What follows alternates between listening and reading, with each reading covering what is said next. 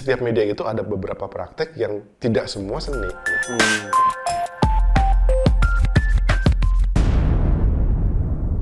Ya, Gregers. Jadi buat yang penasaran dengan ulasan Kang Icus nih, mungkin Kang Icus bisa ceritain tentang beberapa karya dari Selasar, eh, Orbital dan Ruang Dini.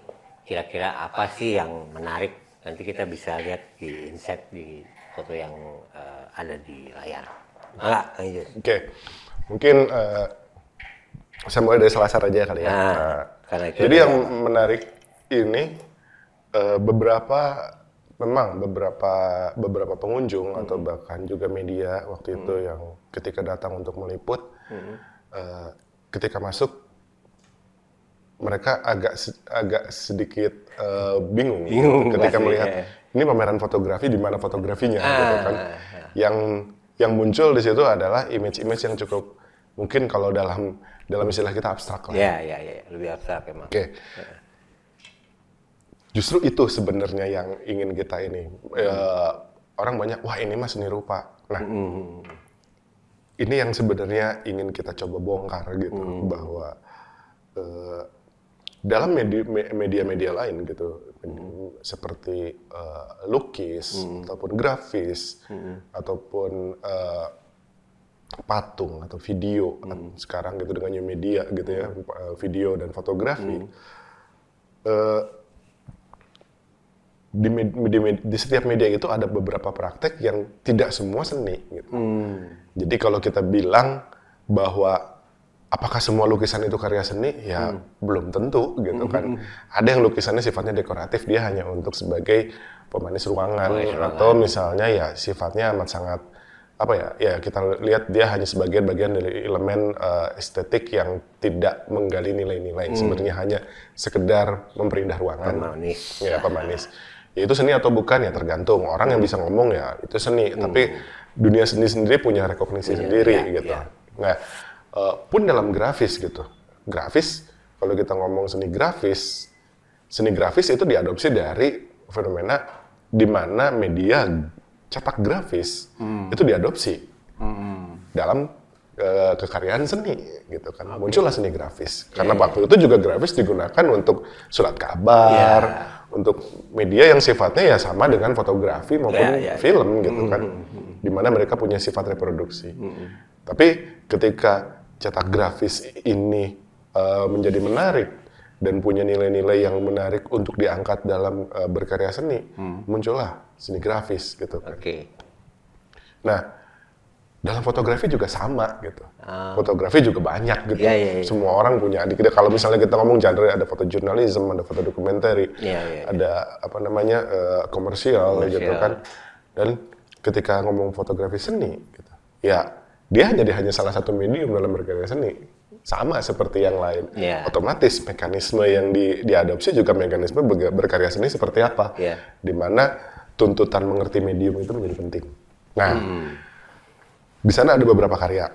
Seperti contohnya karya Sophie Chalk dari Amerika. Shop. Sophie Oh, Chalk. Jadi, image-nya sangat abstrak. Tapi dalam fotografi, kalau saya bilang, sifatnya atau tidak ada istilah abstrak. Hanya abstraksi. Abstraksi. Bahwa ia mengadopsi dari abstrak dari seni lukis, Iya. bisa jadi. kan.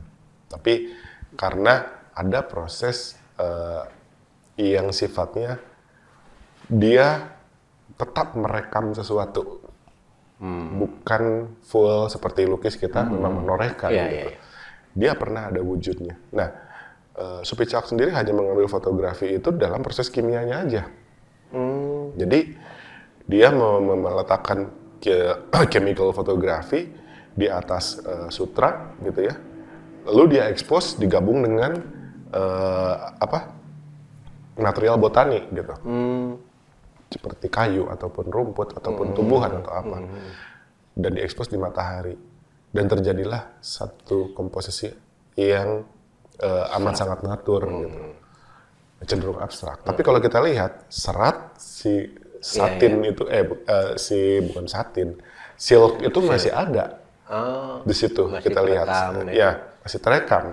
Nah, ini yang menjadi menjadi ini bahwa ada statement yang diangkat bahwa kenapa saya menggunakan ini gitu kan Hmm.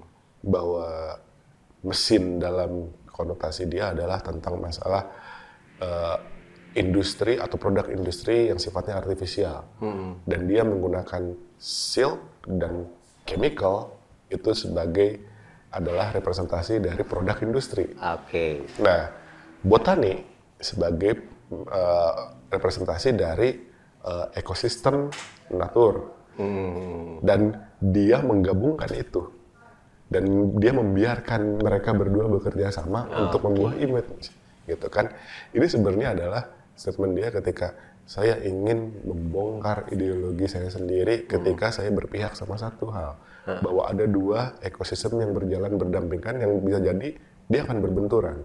Tapi dia ingin justru mengkolaborasikan dua dua ekosistem itu yang sifatnya artifisial yang diciptakan manusia dalam hal ini industri dan, Dan alam. Nah itu salah satu contoh. Dan satu lagi misalnya contohnya adalah ketika kita melihat karyanya misalnya eh, siapa ya? Lavender Chang gitu, yang dia menggunakan eh, teknik solar grafi dengan kamera obscura gitu. Kamera obscuranya itu ruangan ruangan, depan rumah. Eh, dalam satu eh, beberapa rumah gitu beberapa rumah dia di Jadiin ruang depannya kamera gitu ya. dijadikan kamera gitu satu ruangannya. Lalu dia expose dan dia kan tidak berhenti kalau kalau secara grafik kan terus berjalan gitu.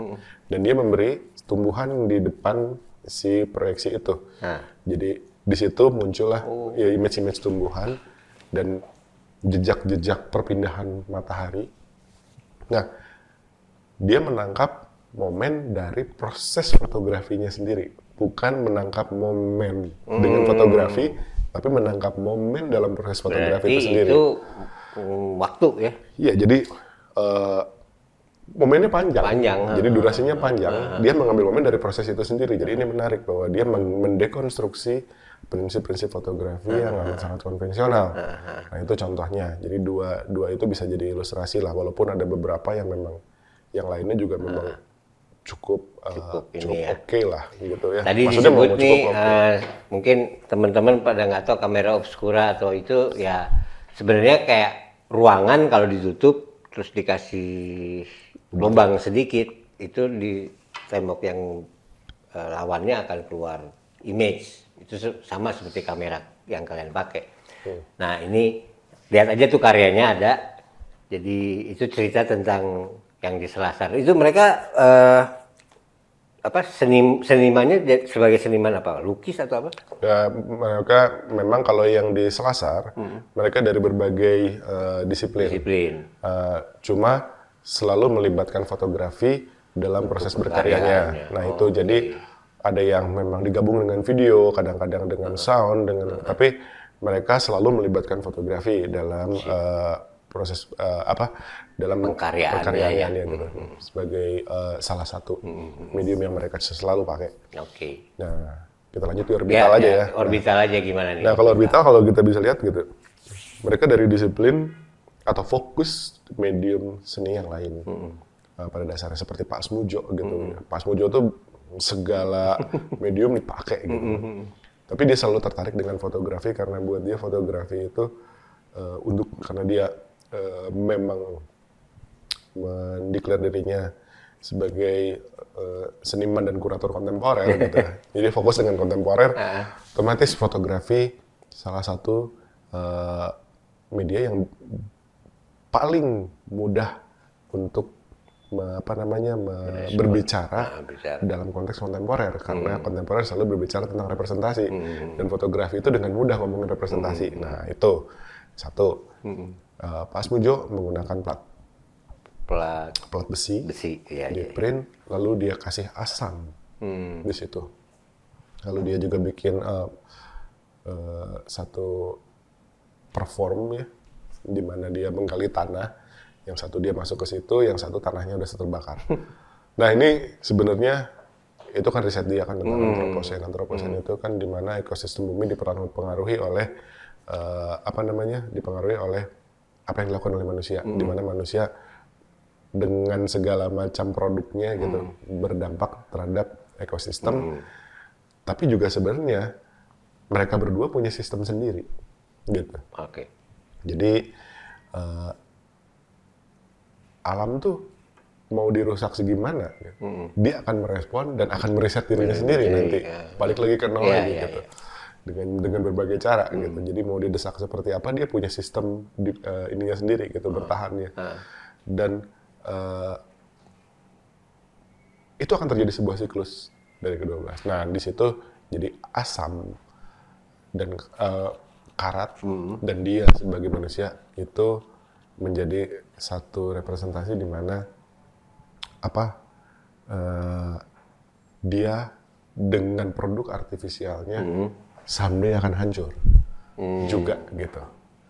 Oh. Seiring waktu karena asam itu terus dia Terus berproses ya. Ha, ha, gitu kan dia menggerogoti Iya, gitu. iya, iya, Nah, yang satu lagi yang pakai cermin ketika ada image siluet terbakar dan ada paku-paku ya itulah gitu bahwa yang melakukan itu sebenarnya kita sendiri Iya, ketika cermin itu ketika masuk Ngelihat kita sedang bisa- bercermin Iya, iya, kita iya. sendiri gitu Oke. nah itu jadi bahwa image di situ mengim- apa image fotografi di situ untuk menekankan bagaimana representasi industri dan manusia itu sendiri gitu. Dan dia menggunakan material yang sangat spesifik yang materialnya non fotografis justru. Nah itu satu. Satu lagi misalnya patriot dia menggugat tentang eh, seni lukisme indie dan juga eh, bagaimana eh, konteks fotografi dalam praktek-praktek foto landscape itu kurang lebih mirip. gitu. Akhirnya dia membuat sebuah eh, apa, proses penganyaman yang satu adalah karya lukis yang dia pesan gitu ya eh, kepada pelukis yang dengan pendekatan genre indie lalu juga dia memotret di tempat lain lalu 50-50 dia gabung dan dianyam satu Dianyam, persatu Oke. dan melahirkan satu komposisi Iya, baru. iya, iya. Jadi inilah eh, estetika di mana kedua hal itu bercampur gitu. Dan akhirnya seperti apa ya? Seperti komposisi nirmana. Ah, ah. Nah itu yang di orbital. Jadi mereka mereka eh, menggunakan med- med- mediumnya yang mereka fokuskan dan akhirnya dihibridkan dengan fotografi. Nah kalau yang di ruang dini gitu ya, salah satunya kan sendiri. Saya ada di situ. Nah, oke. Misalnya eh, dari empat yang ada di ruang dini ini kan basicnya semua fotografi, Fotografi, gitu iya. kan. Dan punya latar belakang eh, sebagai fotografer Iya. dari berbagai apa namanya disiplin, dalam Disiplin, artian iya, ada yang ada di media, ada yang memang istilahnya dia ada di akademik dan Iya. segala macam. Tapi eh, kalau kita bisa lihat di sini bagaimana eh, proses penguasaan teknik fotografi itu bukan menjadi satu hal yang menjebak kita untuk bikin hal yang tidak punya makna. Iya, gitu. iya, iya. Nah, justru di sini eh, ini kan yang biasa terjadi ya ketika Iya, iya. kita dalam mendalami fotografi kita mendalami teknis pasti keterjebakannya kita Hmm. "Wah, udah aja ngulik teknis terus gitu kan kita susah untuk keluar gitu Iya, iya, bahkan ya menjadi snobis juga gitu. Kalau misalnya saya jago ini yang nggak jago itu kita celah gitu Iya, kan. iya. nah justru ini ini menjadi menjadi eh, zona cair di mana di antara untuk seorang foto fotografer banyak yang akan bicara mungkin foto apa puritan gitu. "Hmm, ini mah bukan foto gitu kan. Eh, ini bukan fotografi ini mah seni dan memang itu gitu Iya, kan iya, iya. itu memang itu gitu yang kita capai dalam arti ini tapi berbasis fotografi nah bagaimana kayak Kang Pocang gitu ya me- me- melakukan pendekatan yang me- mengkonstruksi jadi staging seperti sebuah adegan dalam sebuah teater Iya, iya. dengan simbol-simbol yang eh, yang sebenarnya kalau kita lihat secara di- secara teliti gampang untuk di, eh, di, di apa namanya di, eh, dilihat layernya ada apa sih Iya. di belakang. Hmm. Nah, walaupun dengan hitam putih semua, empat ini berbeda sebenarnya. Lalu misalnya kayak Encis yang lebih berbicara tentang memori di tahun 80-90-an Iya, gitu, iya. di mana waktu itu ya kita masa masuk masa transisi gitu. Ada figur-figur yang muncul, Muncul, ada juga eh, apa namanya yang selama ini kita takutkan itu terjadi gitu seperti rezim orde baru akhirnya memuncak di tahun 90-an gitu kan. Lalu juga figur-figur eh, seperti yang militan seperti Hari Rusli maupun eh, Dewi Lestari yang juga seorang novelis independen independen pertama waktu itu. Itu terobosan-terobosan yang terjadi di era itu yang akhirnya diinterpretasi dengan menggunakan teknik sandwich gitu kan. Ya, ya, ya. Nah, itu uh, apa namanya? Itu kan amat sangat interpretasi pribadi bahwa yang dilakukan uh, Pak Bun juga kurang lebih sama walaupun yang dipotonya lanskap. Iya, iya. Tapi dia sebenarnya lan- bukan lanskap. Dia hanya metode uh, komposisinya memang banyak mengadopsi lanskap dan di situ ada ada dua foto yang sebenarnya bukan foto lanskap gitu.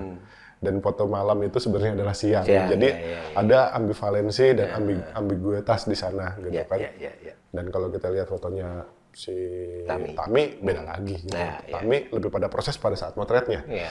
di mana dia tidak cepret doang gitu, tapi dia sudah punya pravisual akan membuat visual seperti apa.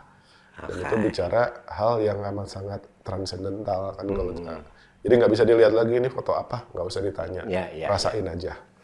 Kurang lebih seperti Ya. itu. Oke, jadi nah itu uh, Crackers jadi cerita sedikit cerita uh, flashback tentang uh, Road to Bandung Foto Trina yang nanti akan digelar tahun 2022. Triangelnya. Trienal ya. Uh, Moga-moga semua lancar Amin. dan apa hmm, ya uh, dimudahkan lah semuanya gitu ya Amin. dan pandemik ini bisa lebih eh, turun jadi yang datang bisa lebih banyak kali itu sih Amin. Amin. amin. apresiasinya juga bisa jadi jadi emang beda teman-teman kalau kita lihat eh, cara melihat visualnya Kang Icus dan teman-teman di B Bandung Foto Trinal ini nggak nggak cuma melihat oh ini foto gunung tapi lebih jero nanti kapan-kapan kali kita bisa bahas lagi ngobrol lagi ya soal-soal cara membaca visual. Tapi sekedar ini aja jadi eh, mungkin di sini kalau dilihat sih fotografi itu nggak nggak sekedar melihat aja tapi lebih apa ya lebih dalam. Jadi nggak bisa cuma ngelihat gitu doang harus kalau untuk membaca visual yang kayak gini-gini tuh butuh butuh mikir butuh imajinasi sendiri eh, dan dan apa ya semua orang pasti beda. Semua orang pasti beda. Saya melihat karya Cus Cus melihat karya saya teman-teman melihat karya kita berdua itu beda-beda jadi emang eh, cukup cukup mudah-mudah gampang. Nggak seperti ngelihat Instagram oh ini karena bagus bagus. Di like. Nggak nggak kayak gitu. Jadi eh, panjang lebar tadi udah diceritain. Kalau boleh saya kasih sedikit conclusionnya jadi cara menikmati sebuah karya foto tidak jauh berbeda dengan sidik jari artinya tidak ada seorang pun di dunia yang memiliki cara yang benar-benar identik antara seorang dengan orang lain dari yang menyukai keindahan komposisi teknis hingga mereka yang menyukai semiotika dan simbol-simbol tersembunyi. Ada yang menyukai keceriaan permainan warna, ada yang gelap terang hitam putih. Namun terlepas dari cara-cara kita melihat itu semua, harus selalu diingat bahwa yang tergambar dalam sebuah foto hanyalah sebuah penggalan kecil dari realita, ruang, dan waktu. Menikmati dan menelan bulat-bulat apa yang terpampang gamblang dari sebuah foto bisa merupakan sebuah pengantar ke sebuah kekeliruan. Oleh sebab itu, tidak ada salahnya jika kita juga terkadang perlu membaca, mempelajari apa yang ada di luar frame foto. Bukan tidak mungkin dan justru malah menemukan pengetahuan kebenaran petualangan baru karenanya. Itu cerita. Pokoknya gitulah harus dicerna gitu. Kenapa dia bulat? Di luar bulat ada apa lagi? Nah, gitulah kira-kira. Oke, teman-teman, Cekrekers, eh, kayaknya cukup sekian eh, episode sekarang. Terima kasih buat kami print yang nyetak kaos tinggal kita. Eh, kami print, dia nyetak ini juga, dia kasih kita masker, ya. Terus untuk ruang dini dan anggrek 46, di ruang dini itu macam-macam teman-teman. Ada galerinya, galeri ruang dini, ada morgi itu kopinya, ada epilog which is tempat ini yang kita pakai untuk eh, rekam podcast. Ada juga di sini teman-teman yang lain, Bro, terima kasih. Kang Jus terutama udah hadir. Sama-sama. Eh, Moga-moga ntar semua lancar lah pameran-pameran yang lebih lebih HD itunya. Amin. Eh, gitu kira-kira dari saya eh, cukup sekian Ceklekas sampai ketemu di episode selanjutnya. Thank you.